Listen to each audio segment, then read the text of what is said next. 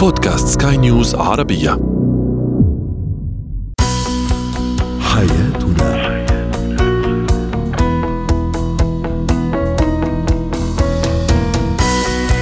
مستمعينا الكرام أهلا بكم معنا إلى حياتنا فضاؤكم اليومي الذي يعنى بشؤون الأسرة وباقي الشؤون الحياتية الأخرى والذي يمكنكم الاستماع إليه عبر منصة سكاي نيوز Arabia dot com slash podcast وباقي منصات سكاي نيوز العربيه الأخرى. شاركونا أيضا عبر رقم الواتساب 00971 معي أنا أمال شاب. اليوم نتساءل ونتحدث عن ما إذا كان إنجاب طفل أو أكثر ينقذ العلاقة الزوجية المنهارة. كيف يتصرف الوالدان أمام الطفل عند اختلاف الرأي؟ وكيف نتخطى الخوف من الالتزام العاطفي؟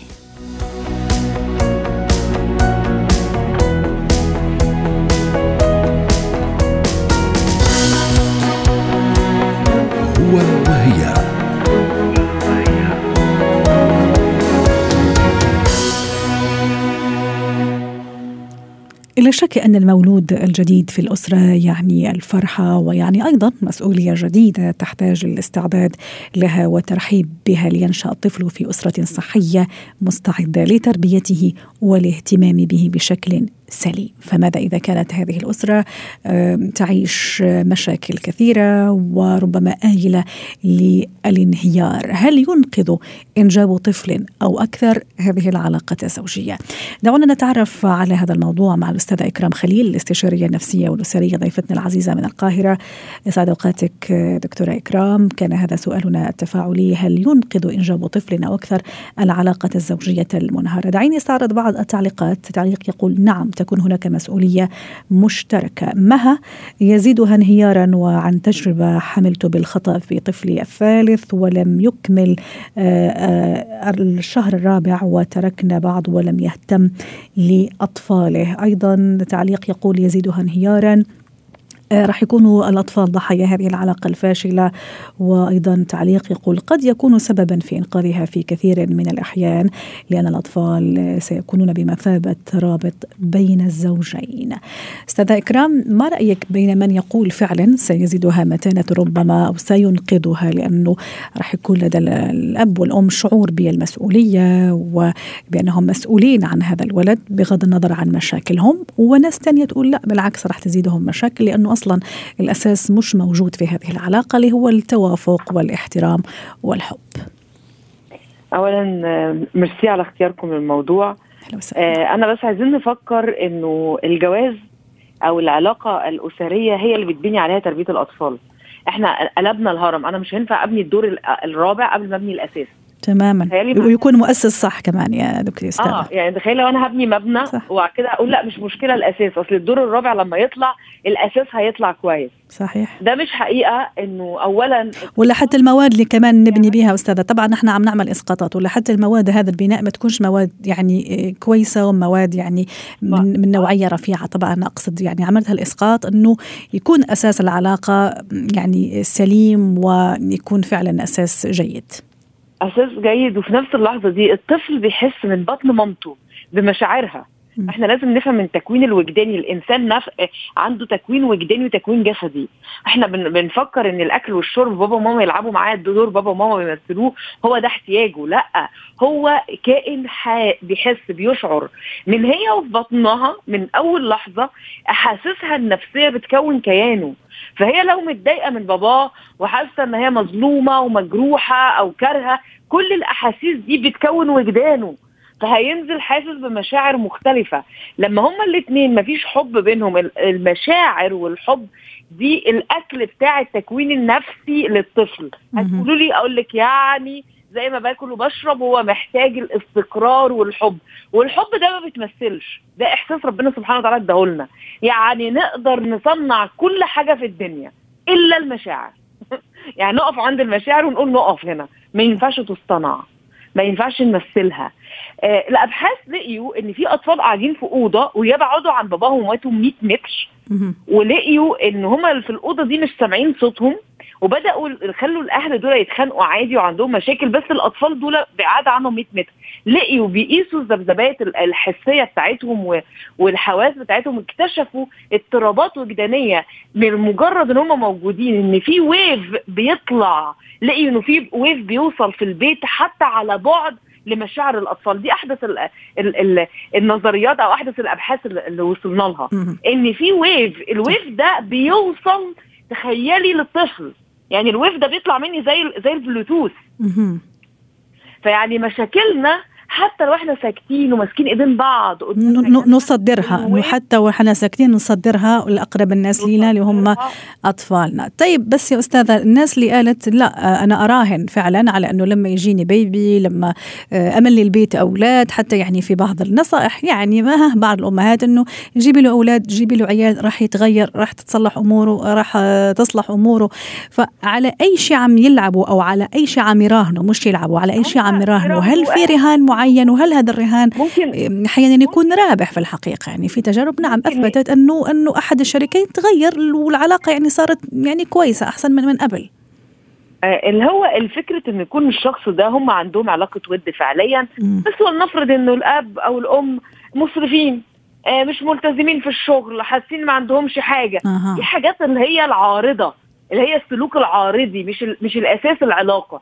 يعني ممكن يكون شخص كان مسرف جدا وكان مش راضي يلتزم في شغل قوي بس أول ما حس إن هو هيكون بابا قرر إنه يلتزم. ده أنا صدقها وده ده صحيح وحصل مع آلاف من الناس ونجحت. إنه مجرد إحساسه بالمسؤولية بدأ يلتزم في شغله إنه حاسس إنه في طفل جاي منه. لكن ما تقوليليش إنه ما ينفعش يكون عنده ما عندوش مشاعر ناحية الأم ومش طايقين بعض ومش قادرين يتواصلوا وما عندهمش أي أرض مشتركة الطفل ده هيخلي أرض مشتركة. هم الطفل ده هيخلي الأم ملامحها تتغير وشخصيتها تتغير أو البابا شخصيته تتغير لأ. يبقى إحنا بنقول في السلوك الطارئ انه مش ملتزم في الشغل كان بيسهر مع اصحابه آه، أكتر من يقعد في البيت آه، بيحب البلاي ستيشن بيحب الكورة أكتر. عارفة دي الحاجات أو مثلا مبذر يعني فلوسه ما يعرف وين يصرفها. آه بيحب الخروج ويحب ال ال ال إنه يتفسح ويخرج أكتر. دي it's okay كله ده ممكن يتغير مم. بعد البيبي. إنه ده بيحس بالتزام فلوسي. أنا عندي ابن أنا عندي مسؤولية. فكده يشعر بالتزام. فأنا أقدر أغير أقول ده السلوك عرضي ينفع يتغير. لكن بتكلم على العلاقة المبنية. هم ما عندهمش تواصل أصلا. فالبيبي هيخلي التواصل يتبني إزاي؟ هم هيمثلوا تواصل. يعني في في أهل قرروا يعملوا يمثلوا تواصل ويحصل إيه بقى؟ خيانات زوجية. معلش ياما قصص. إن جابوا طفل وبيلعبوا أسرة لكن هو بيروح بيدور على الحب برة وبيدور على التواصل برة يتزوج جوزة ثانية أو يخون أو هي تخون.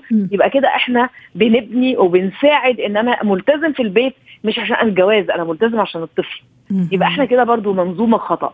الالتزام الزواج عشان أنا عايز أعيش مع الشخص ده تماما. مش عشان أنا هخلف له حد يقعد معايا. تمام. وبعدين يا أستاذة إكرام أيضا يعني من الناحية الأخرى نحن عم نناقش يعني كل الجوانب يعني فكرتك اللي انطلقتي منها حضرتك اللي هو الطفل أيضا مسؤولية صح ولا لا؟ يعني أنا ما راح أجيب طفل يعني لهذا الحياة يعني حتى أتعبه وحتى ما أدرسه كويس وما أغذيه كويس وأهم شيء ما أهتم فيه وما أحتويه فتصور يعني إذا كانوا هم الاثنين أصلا مش متفاهمين ومش متوافقين أصلا. هم كشخصيتين مش متوافقين فكيف أيضا راح يتوافقوا؟ راح يتفقوا على تربية هذا الطفل اللي راح يكون مسؤولية في الحقيقة. فأتصور أيضا في جانب من الجوانب نعم راح يخلف أو يعمق الخلاف عفوا. عايزة أقول راح يزيد الطين بله يعني الطفل الطفل مش مسؤولية بس الطفل ده عبارة عن كأنه جفت غالي جدا ربنا بيدينا وتكوين حياته بإيدينا. إحنا بنفهم إنه أصل طلع كده.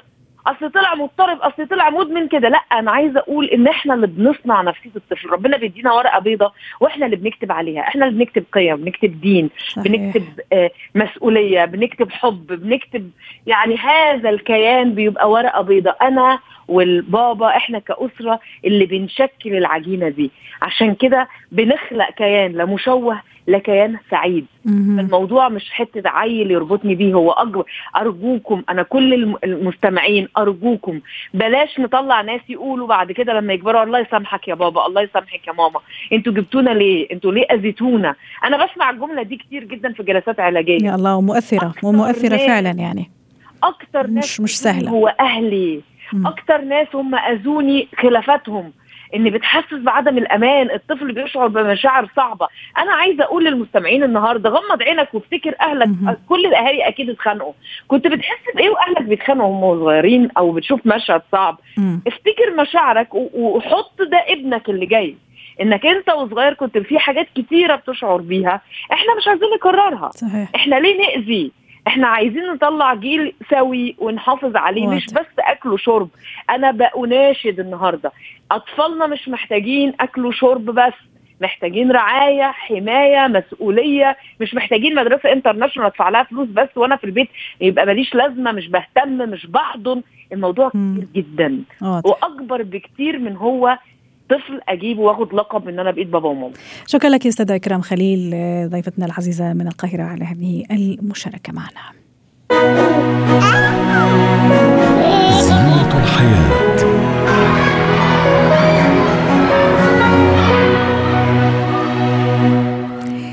في زينة الحياة سنتحدث عن تصرف الأهل أمام الطفل عندما يختلفان في الرأي. طبعا الطفل ذكي جدا يحاول أن يستفيد أيضا من هذا المواقف يستفيد من الاختلاف حتى يحقق مكاسب. طبعا الخلافات والاختلافات بين الأهل حتى يحقق مكاسب بالنسبة لي. رحبوا معي بميرنا عسيرين الخبيرة التربوية ضيفتنا العزيزة من بيروت. يسعد أوقاتك أستاذة ميرنا. طبعا الاختلافات في الرأي موجودة في الحقيقة في كل الأسر وبين كل ال ال يعني الأزواج. لكن أحيانا قد تحدث أمام الطفل أحيانا في موضوع يخصه هو يكون شاهد على هذا الاختلافات. أحيانا لا في موضوع عام. يعني خليني أبتدي لما الموضوع يكون يخصه هو وأختلف أنا والزوج أنا وأنا والزوجة على طريقة معينة. خلينا نقول مثلا في التربية في شراء شيء معين وهو عم يشوف ويكون شاهد على هذا الاختلاف. كيف أتصرف؟ هلا أهم شيء إنه نوضح إنه الاختلاف بالرأي مش معناتها في خلاف بين الوالدين. يعني هذه مش معناتها نحن مخانقين ونحن في مشكل بيناتنا. الاختلاف بالرأي لازم ناخذه بطريقة إيجابية حتى ما يصير خلاف. مفيدة. طبعا لأنه الاختلاف مش خلاف. في فرق بين الاثنين. يعني الاختلاف بالرأي مثل ما بيقولوا لا يفسد للود قضية. صحيح. لا بس أنا قصدي يعني نحل الاختلاف حتى ما يودينا في النهاية إلى خلاف طبعاً. ومشاكل طبعا يعني. يصير في نزاع تمام نزاع. فهون الاهالي بدهم يكونوا كثير واعيين. هلا حضرتك كنت عم تقولي إنه لما بيجي الموضوع على تربية الطفل أو أي شيء بخص الطفل لما يصير في اختلاف بالرأي. آه هلا كثير مهم أنه آه لما بدنا نتحاور أو نتناقش بخصوص هذا الموضوع يكون الحوار بدون آه جدال ما يكون عنيف يكون آه الموضوع بنقدر ناخذ كمان رأي الطفل فيه إذا بيخصه. إذا عم تقولي إذا فينا نشتري له إذا بيختلفوا بشراء غرض لإله مش بالتربيه عم نحكي إذا في شراء غرض لإله فينا ناخذ رأيه للطفل إذا كنا عم نختلف كنا بالمول أو بشي مطرح عام فينا ناخذ رأيه للطفل بهذا الموضوع. يعني إشراكه نعم. في الموضوع حتى يكون طرف نعم. نعم نعم. جميل. وأنا بهمني كثير انه نطمن الولد مش معناتها إذا اختلفنا يعني نحن مهددين إنه نترك بعض أو نطلق. لأنه الولد خاصة لما بحس أن الموضوع بخصه لإله بحس بالمسؤولية صح. بحس بالذنب بالذنب. بحس بالقلق وبالخوف أنه عم بيتخانقوا بسببي فهذا الشيء بيأثر عليه على نموه على تطوره على علاماته على على طريقه الأكاديمي غير طبعا على سلوكه مع الآخر. وعلى علاقاته المستقبلية. رائع يعني نقطة جميلة جدا في الحقيقة نشكرك إنك يعني نوهتي لها. أه، أستاذة ميرنا أيضا أحيانا أه، مثل ما أشرت في البداية الطفل ذكي جدا يعني عنده من الذكاء ما يخليه وما يجعله أه، يشوف هذا الاختلاف ويقف عنده ويحاول يستفيد منه وحتى يحقق مكاسب اللي هو خلينا نقول مثلا مختلفة مع أبوه على شيء بسيط يعني مثلا خلينا نقول نشتري له لعبة أو ما نشتري له لعبة مثلا. إيه. فهو يعني أكيد راح يستفيد من من الموضوع حتى يحقق هذا المكاسب. أنا عم أعطي الشيء البسيط. كيف؟ أيضا أتعامل مع هذا الموضوع. إذا كان هذا المكسب مش في صالحه ولا ما يناسبنا يعني في النهاية كأب وأم. هلا عادة لما بيكون في في الولد بده شيء من من الوالد أو من الوالدة وما بيقبل معه بيقول له روح عند والدتك لحتى يشيل عنه هذه المسؤولية. لحتى ما تطلع منه كلمة لا. بقول روح عند والدتك واسألها. فهون كثير مهم إنه أول شيء الأهل الوالدين يكونوا متفقين إنه إذا هذا الغرض ما بيفيد ومنه لصالحه اثنيناتنا نجاوبه بنفس الطريقة. جميل. هيدي الشغلة. يعني هون الولد ما في يتذاكى ما في يروح يتذاكى على أمه يجرب ياخذ حنانة وعطفة كمان يحصل على اللي بده اياه فنقطة أساسية أنه الوالدين يكونوا متفقين على نفس الرأي اللي بخص مصلحة الولد. يعني لما بنحكي عن مصلحة. فهون الولد لما بده يروح عند الوالد أو الوالدة وبيلاقي أنه اثنيناتهم عندهم نفس الرأي بهذا الموضوع ما حيقدر يتذاكى ما حيقدر يحصل على اللي بده اياه وكثير مهم أنه نقعد ونتحاور نعمل حوار عائلي. يعني إحنا اذا بدك ببيئة الشرق ما عندنا اياها هيدي ال family meeting اللي بنعملها مرة بالأسبوع.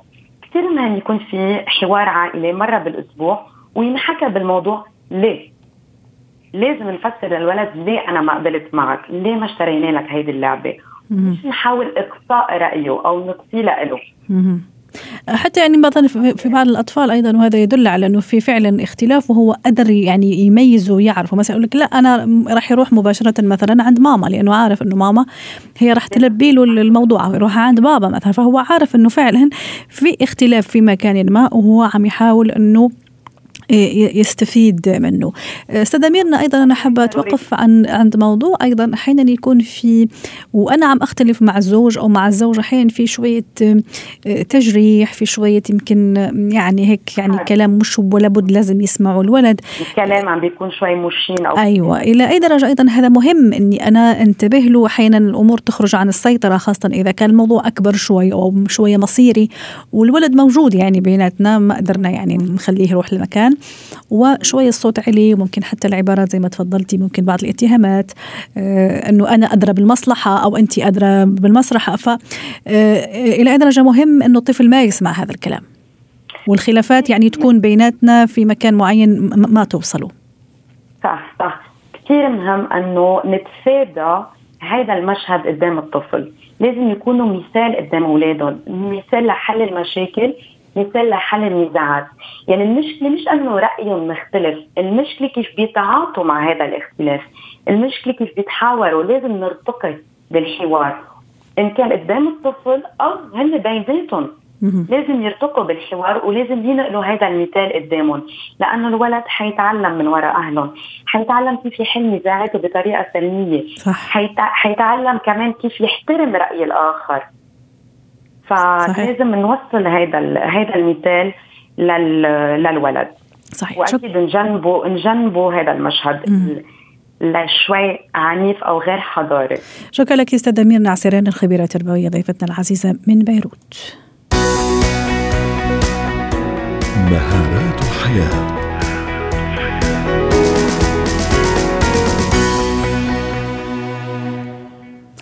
اليوم في مهارات الحياة نتحدث عن كيفية تخطي الخوف من الالتزام العاطفي وبعدين ما يعني ما هو الالتزام العاطفي؟ هل هو نفسه الارتباط أو الخوف من الارتباط؟ دعونا نتعرف على هذا الموضوع مع ضيفتنا العزيزة تانيا عوض غرة أيضا من بيروت. هذه المرة أهلا وسهلا أستاذة تانيا ما الفرق بين الخوف من الارتباط والخوف من الالتزام العاطفي؟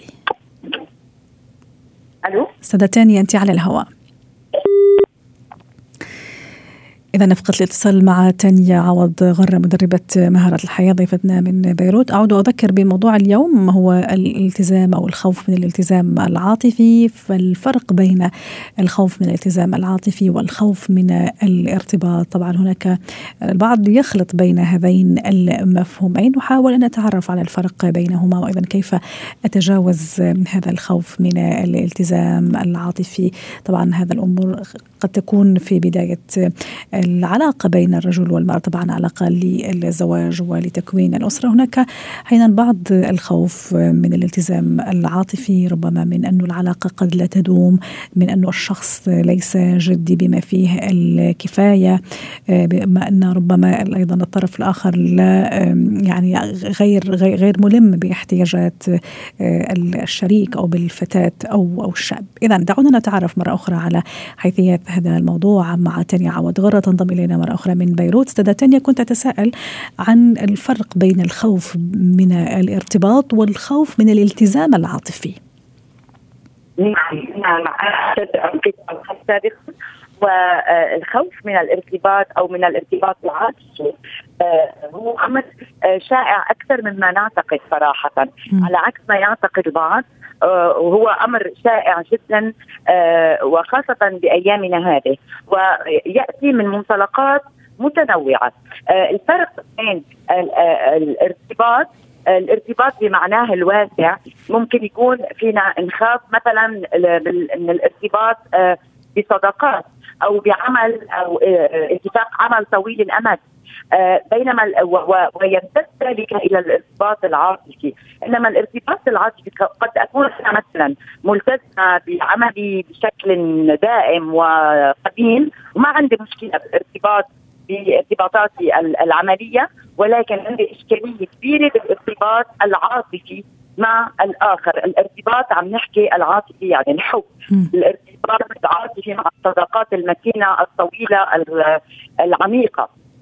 ليش السبب؟ الأسباب متنوعة، الأسباب ممكن أن تكون من طفولة آه يمكن أنا تربيت ببيت كان في عنف اسري أو أنا يمكن تربيت بعائلة آه، كانت علاقاتها معقدة جدا آه، أحيانا ممكن أن يأتي الخوف من الارتباط العاطفي من خبرة عاطفية آه، أساءت لي مثلا شريكي بدون سبب واضح قال لي وأنا مش عم بفهم أخذت معي أشهر إنه لا أفهم سبب الطلاق مثلا. اذا بالتالي أنا خوفا من أن أعيش نفس طبعا وأكيد الخوف أستاذة تانيا أكيد هو الخوف هو أساس كثير من المشاكل يعني هو يعرقل الحياة يعرقل مسيرة الإنسان سواء في عمله في حياته في علاقاته. أيضا أكيد الخوف هو العدو رقم واحد في الحقيقة أمام نجاحات الإنسان ونجاحات الفرد وما هذا يخليه أيضا عنده هذا الخوف من الالتزام العاطفي. الموضوع اليوم.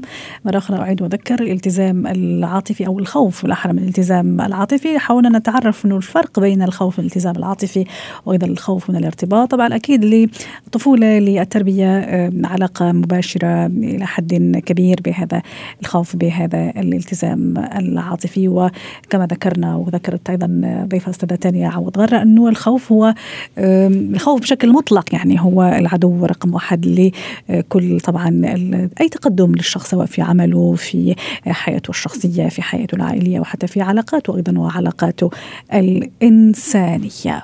آه، كيف يمكننا تخطي ذلك في علاقاتنا؟ هذا الخوف من الارتباط العاطفي والارتباط على المدى الطويل؟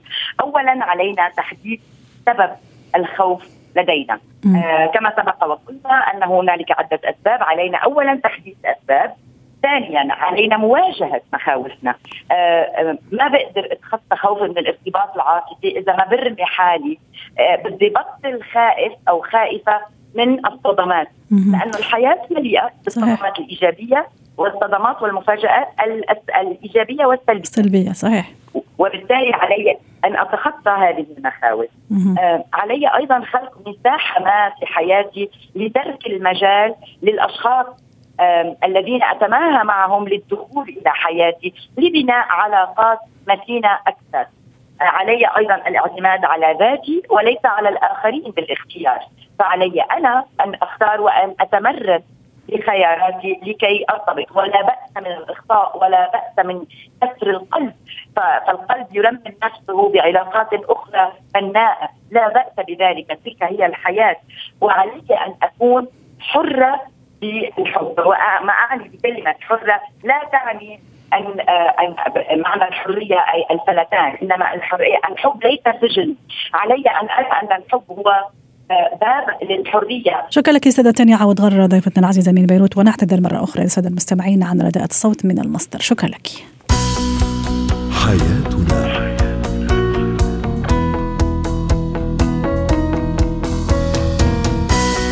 ختام حلقة اليوم من حياتنا. شكرا لكم وإلى اللقاء.